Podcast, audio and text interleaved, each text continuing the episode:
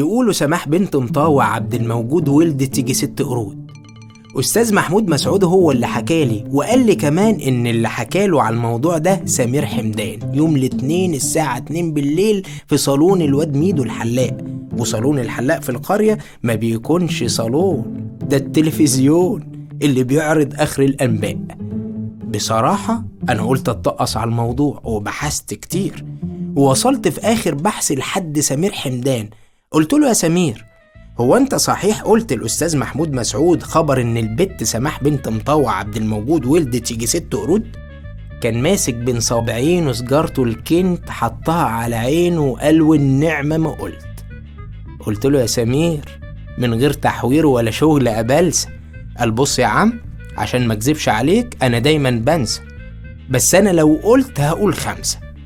عشان تحسين بياع التين الشوكي في آخر الشارع كان بيقول للناس في السوق قدامي وسمعته كمان بيقول إنها فطمتهم من شهرين على موز وزداني.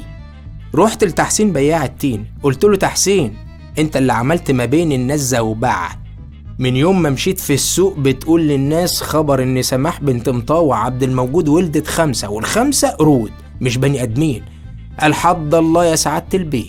وأنا هكدب ليه؟ أنا قلت بعظم لساني لكل الناس أربعة.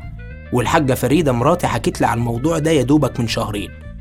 وساعتها سألت الحاجة فريدة عن اللي اتقال فقالت لي إزاي البطن تشيل أربعة أصلا يا ابني؟ أنا قلت إنها ولدت قردين. وحكالي عن الموضوع الواد محفوظ بياع الورد. استنى عشان بس الحلفان.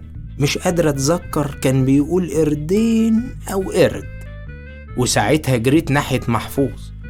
قال لي ما تسألش كل اللي اتقالك إنه اتقال ما اتقالش والحاج مطوع عبد موجود عندك موجود والراجل أصلا عازب. ما تجوزش. ولا شاف ولا شال أبدا مولود. وعشان ما يعوزش لحد يونس صبح وليله. وعشان الناس نسياه وخلاص ما بقتش تجيله. اعتزل الناس واشترى نسناس كل اللي وصل لك عمر ما شافوا الناس. إشاعات وخلاص.